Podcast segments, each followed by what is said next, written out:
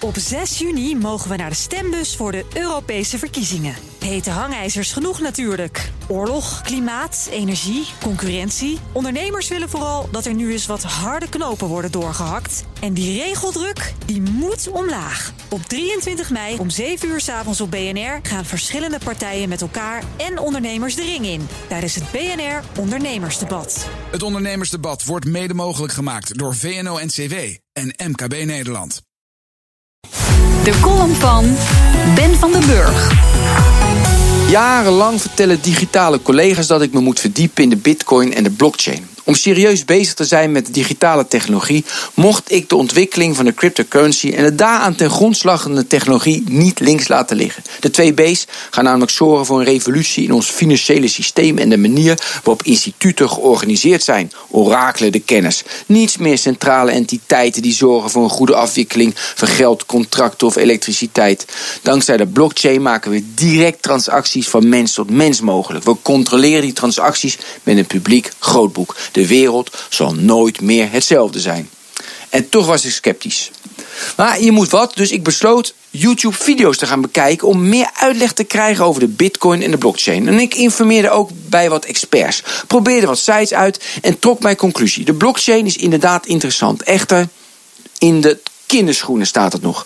Ook zag ik nog geen goede toepassingen voor gebruikers. En die bitcoin was natuurlijk veel te volatiel. Ik besloot al jaren geleden dat de twee B's niet tot mijn primaire kennisgebied ging behoren. En toen brak twee weken geleden de complete gekte los. Ik kon geen gesprek meer voeren of het ging over bitcoin, dash gridcoin of blockcoin.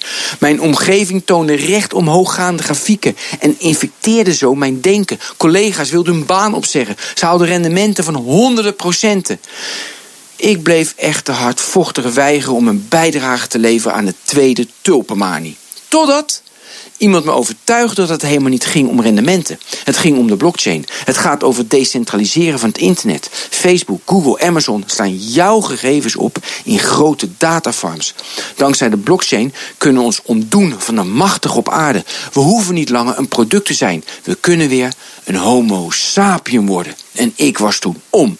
Ik maakte een account aan en kocht wat litecoins, ripples, bitcoins, ethers. Ik kon een bijdrage leveren om het internet democratischer te maken. Ik wilde ontdekken wat er voor prachtige initiatieven ontwikkelaars bouwden op de blockchain. Ik las over het bijhouden van het elektronische patiëntendossier van Patientry.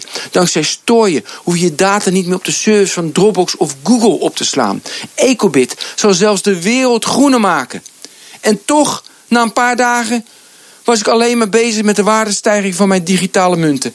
Kon ik me steeds meer beheersen om niet constant op Facebook te kijken of er een interessante update was. Nu trek ik een paar keer per uur mijn scherm naar beneden om te zien of ik weer een paar centen verdiend heb. Wat een treurnis. En dat zijn Ben van den Burg en zijn column. Die kunt u teruglezen en luisteren op bnr.nl en via de BNR-app.